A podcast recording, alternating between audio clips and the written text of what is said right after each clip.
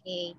Assalamualaikum warahmatullahi wabarakatuh. Selamat pagi, siang, sore, malam, teman-teman Pandemic Talks yang sudah menunggu edisi ketiga, episode ketiga kita mengenai bincang vaksin dengan Dokter Dr. Dirga Sakti Rambe, spesialis penyakit dalam.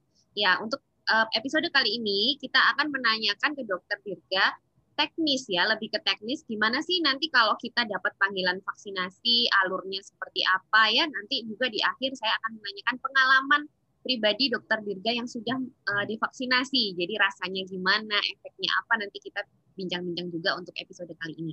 Oke, dokter Dirga, uh, gimana kabarnya? Alhamdulillah baik Tuhan Ninggar. Oke, ini beliau masih di tempat praktek ya teman-teman ya, belum selesai, belum pulang, pasiennya banyak banget, pasien COVID, hebat banget dokter Dirga ya, jaga kesehatan. Ya, ini oke okay, sekarang uh, saya mau nanya ini dok, kalau misalnya nanti nih kita bicara mungkin untuk awam ya, hmm. untuk awam yang nggak terlalu ngeh nih kayak gini-gini. Nah nanti kalau misalnya dapat uh, eh, SMS gitu, apa yang harus dilakukan? Atau misalnya kok tidak dapat SMS, mungkin ada yang tidak terdaftar. Nah itu hmm. gimana dok nah, solusinya? Ya. Jadi untuk vaksinasi ini memang pemerintah melalui Kominfo mengembangkan aplikasi dan website ya, namanya Peduli Lindungi. Ya. Nah itu nanti tujuannya untuk uh, database uh, vaksinasi. Jadi teman-teman yang terdaftar menggunakan uh, eh, NIK nanti itu dapat jadwal, dapat panggilan untuk vaksin. Hmm. Lalu setelah itu dapat reminder untuk SMS. Tentu saja pada pelaksanaannya ada yang namanya nggak ada segala macam ya. ya. Tapi itu pada prinsipnya nanti akan diperbaiki pelan-pelan dan itu akan dimudahkan. Misalkan kalau untuk nakes sekarang kalau dia nggak dapat SMS, dia cukup menunjukkan apa NIK-nya lalu dicek di aplikasi Pikir ya punya BPJS dan itu bisa langsung vaksinasi di vaskes uh, setempat gitu. Oh, jadi tidak ada tempat tertentu ya, Dok. Jadi misalnya kita bawa NIK gitu bisa. Uh, kalau lewat aplikasi itu kita milih tempat, dok. Jadi disediakan pilihan oh. tempat yang kelihatannya berdasarkan domisili ya, berdasarkan domisili hmm. kita bisa milih tempat dan jamnya, dok. Gitu. Jadi nanti kita uh, dapat SMS lalu dapat bisa milih tempat nanti kita ke sana untuk vaksin gitu ya. Betul ya, sesuai dengan waktu yang ditentukan gitu. Ya. Lalu untuk teknisnya sendiri dokter juga biasanya nanti setelah sampai sana itu uh, kalau saya lihat ada beberapa meja ya itu. Ya, itu betul. apa aja sih, Dok? Jadi teman-teman pertama datang itu harus bawa KTP dan tadi tiket uh, vaksinasi itu ya yang di SMS atau yang di aplikasi itu tunjukkan di meja satu itu meja pendaftaran. Iya. Nah, habis itu di meja kedua, ini yang paling penting nih adalah meja screening. Ya, jadi teman-teman cek hari itu layak atau tidak untuk vaksinasi, termasuk tekanan darah, suhu, dan apakah ada penyakit-penyakit komorbid. Di situ udah ada checklistnya ya. Jadi iya. satu aja eh, nggak lolos, maka vaksinasinya ditunda atau dibatalkan. Hmm. Kalau lolos itu lanjut ke meja tiga yaitu penyuntikan akan disuntik ya Lalu uh, setelah itu yang terakhir nanti ada namanya uh, observasi. Meja terakhir adalah meja observasi di mana semua orang yang udah disuntik itu mesti nunggu 30 menit baru boleh meninggalkan tempat untuk memantau reaksi alergi atau tidak. Ya. Oke. Mungkin yang banyak ditanyakan teman-teman nih, Dok, untuk screening nih. Nah, screening itu kan bentuknya uh, cuman kuesioner ya. Ya. Artinya pertanyaan ya dan tidak. Nah, itu apakah uh, teman-teman ini lebih baik sebelumnya, sebelum vaksin itu apakah perlu check up dulu? Mungkin ada yang nggak tahu nih kalau punya penyakit diabetes, ada yang nggak tahu kalau punya apa gitu. Gimana dokter Dirga? Betul ya, teman-teman yang punya sakit kronik, darah tinggi, diabetes ya, uh, memang sebaiknya beberapa saat sebelum vaksinasi itu uh, apa harus check up ya. Dan memang sebetulnya teman-teman yang sakit ini kan memang harus check up rutin gitu. Ada atau nggak ada vaksinasi yang mesti kontrol rutin dan pastikan hip kalaupun darah tinggi darah tingginya terkontrol. Kalaupun gula sakit gula gulanya terkontrol. Kalaupun sakit asma asmanya terkontrol supaya tetap bisa vaksinasi.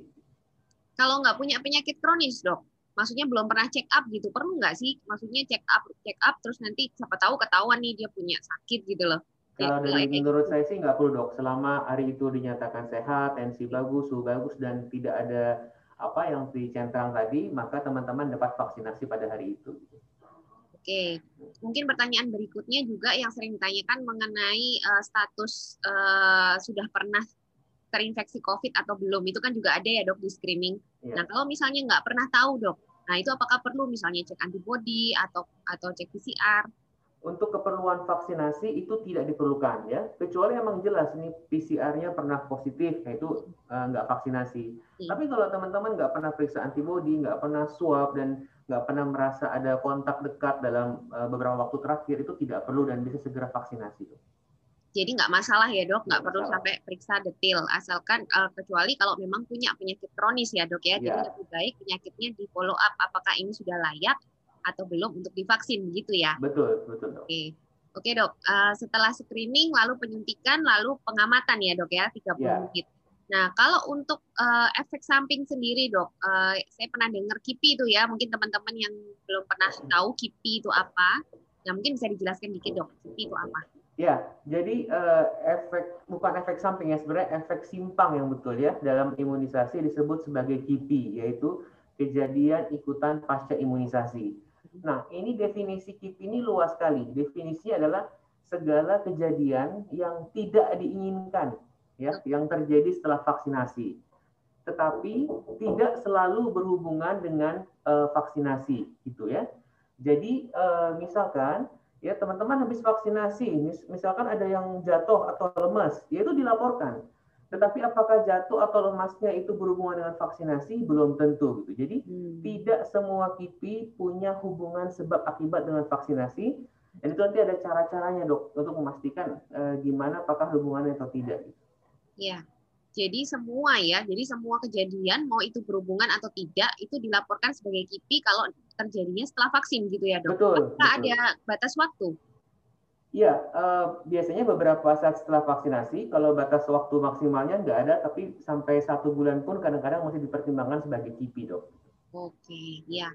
Terus kalau mengalami nih dok, kebetulan habis suntik mengalami KIPI gitu ya, ada kejadian yang tidak diinginkan setelah vaksin, itu lapornya ke mana dokter?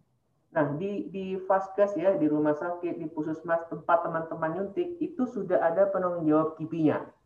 Ya pasti ada. Jadi ngelapornya ke yang bersangkutan. Nanti yang bersangkutan akan ngelapor berjenjang ke atas, ke dinas kesehatan sampai ke uh, provinsi, bila perlu sampai ke nasional ya. Nanti ada namanya komite nasional, komite daerah KIPI, ada komite nasional KIPI. Hmm. Itu untuk menindaklanjuti bila memang ada KIPI yang dianggap uh, penting gitu atau KIPI berat gitu itu nanti ada kontak personnya gitu dok? Ada orang yang bisa dihubungi begitu atau harus ke rumah sakit itu lagi untuk lapor? Ada, ada. Umumnya di, diberikan ya, dikasih tahu pas di sertifikat itu, pas kita habis suntik kan dapat sertifikat, itu ada tulis di situ penanggung jawab kipinya siapa gitu. Oke, ya. Jadi jelas banget ya alur-alurnya ya dok ya. Iya. Oke, setelah itu mungkin saya mau nanya secara lebih personal nih, dokter kan sudah vaksin ya. Hmm. Gimana dok rasanya? Ya, alhamdulillah saya sudah vaksinasi tanggal 15 Januari ke Peninggar ya dan uh, ini hari ke-10 kalau nggak salah. Uh, apa namanya? Secara umum sih saya tidak merasakan adanya nyeri di bekas suntikan ya. Demam nggak ada, sakit kepala nggak ada. Tetapi yang saya rasakan adalah dua hari pertama setelah vaksinasi itu saya merasakan ngantuk yang lebih dari biasanya. Gitu ya. Dan setelah saya cek memang di laporan uji klinis di Bandung itu juga memang dilaporkan Gitu. Hmm. Yang ingin saya sampaikan bahwa reaksi pasca vaksinasi itu sesuatu yang wajar. Karena vaksin itu kan isinya antigen, Dok. Ya. Saat antigen diberikan kepada tubuh kita ada proses pengenalan di situ. Ya. Makanya ada yang pegel, ada yang nyeri, ada yang demam segala macam, saya ngantuk, ada teman-teman yang bilang lapar. Mm-hmm. Belum belum tentu semua ini ada hubungannya langsung ya. Kadang-kadang juga uh, masalah psikis atau apa, ada yang berdebar-debar ya. Mm. Tapi memang saya merasakan ngantuk yang luar yang yang lebih dari biasanya tapi nggak usah khawatir itu semua kan hal-hal yang bisa ditoleransi ya dan hilang sendiri. Sampai sekarang alhamdulillah saya nggak ada masalah. Dan saya sekarang nunggu vaksinasi yang kedua insya Allah tanggal 29 besok dok. Ya ini ini juga banyak yang nanya nih dok. Kenapa sih harus suntik dua kali dok? Ya, karena dari penelitian diketahui lah dengan dua kali suntikan itu akan memberikan perlindungan yang optimal. Jadi suntikan yang pertama itu biasanya hanya, hanya untuk memancing ya. Jadi udah timbul nih uh, apa antibodi sedikit. Nah, tapi dengan suntikan yang kedua maka diharapkan terjadi lonjakan antibodi ya. Dan kita tahu dengan vaksin Sinovac ini kekebalan itu baru optimal sekitar 28 hari setelah suntikan yang kedua atau satu setelah bulan setelah ya, ya, hmm. satu bulan setelah suntikan yang kedua baru kekebalannya uh, optimal ya. Okay. Oleh karena itu tetap vaksinasi harus dilakukan bersamaan dengan 3M gitu. Ya. Nah, saya mau nanya sedikit pendapat Dokter Dirga nih tentang kemarin kasus-kasus orang yang sudah divaksin baru satu minggu terus terdeteksi positif dok. Ini mungkin juga banyak yang ingin tahu penjelasannya nih. Ya, yang pertama semua merek vaksin COVID termasuk Sinovac itu tidak akan menyebabkan PCR kita positif, ya nggak mungkin. Itu satu. Yang kedua, kalau ada orang habis divaksinasi sesaat lalu PCR-nya positif, itu kemungkinan besar dia sesaat sebelum vaksinasi itu dia terpapar oleh virus. Sehingga secara waktu itu bersamaan dia eh, menjadi positif gitu ya. Jadi teman-teman nggak usah khawatir ya, ya apa vaksin bikin PCR positif sama sekali tidak gitu. Iya, mungkin sedang masa inkubasi bisa ya dok Betul, ya? Betul, ya. Jadi masa, waktu vaksin itu masa inkubasi, sehingga habis itu PCR-nya positif, seakan-akan karena vaksinnya, bukan. Gitu. Atau setelah vaksin dia terpapar juga bisa kan dok ya? Betul, karena tadi juga kita tahu setelah vaksinasi masih butuh waktu untuk muncul antibodi kan, sehingga pada saat penantian itu dia terpapar ya bisa bisa positif gitu. Ya. Nanti berarti setelah nih ya, setelah satu bulan nih dok, setelah suntikan kedua, kan sudah terbentuk antibodi yang optimal itu tadi. Ya. Tetap harus protokol kesehatan ya dok ya? Betul, betul. Ya, untuk uh, vaksin Sinovac sendiri, apakah sudah ada bukti kalau bisa uh, mencegah penularan dok? Tidak, ya semua vaksin COVID-19 termasuk Sinovac sampai saat ini belum ada yang terbukti mencegah penularan okay. ya tapi yang terbukti adalah mencegah COVID yang bergejala dan termasuk juga COVID yang berat atau kematian gitu. Oke, okay. ya ya jadi jelas banget ya. Uh, Oke, okay. uh, eh, pengalaman Dokter Dirga udah. Mungkin Dokter Dirga ada pesan-pesan untuk episode ketiga kita kali ini? Ya, teman-teman, ini tahap pertama ini kan vaksinasi masih untuk tenaga kesehatan dulu ya. Nah, karena itu yang tenaga kesehatan, ayo kalau dapat jadwal panggilan segera datang, nggak perlu lagu.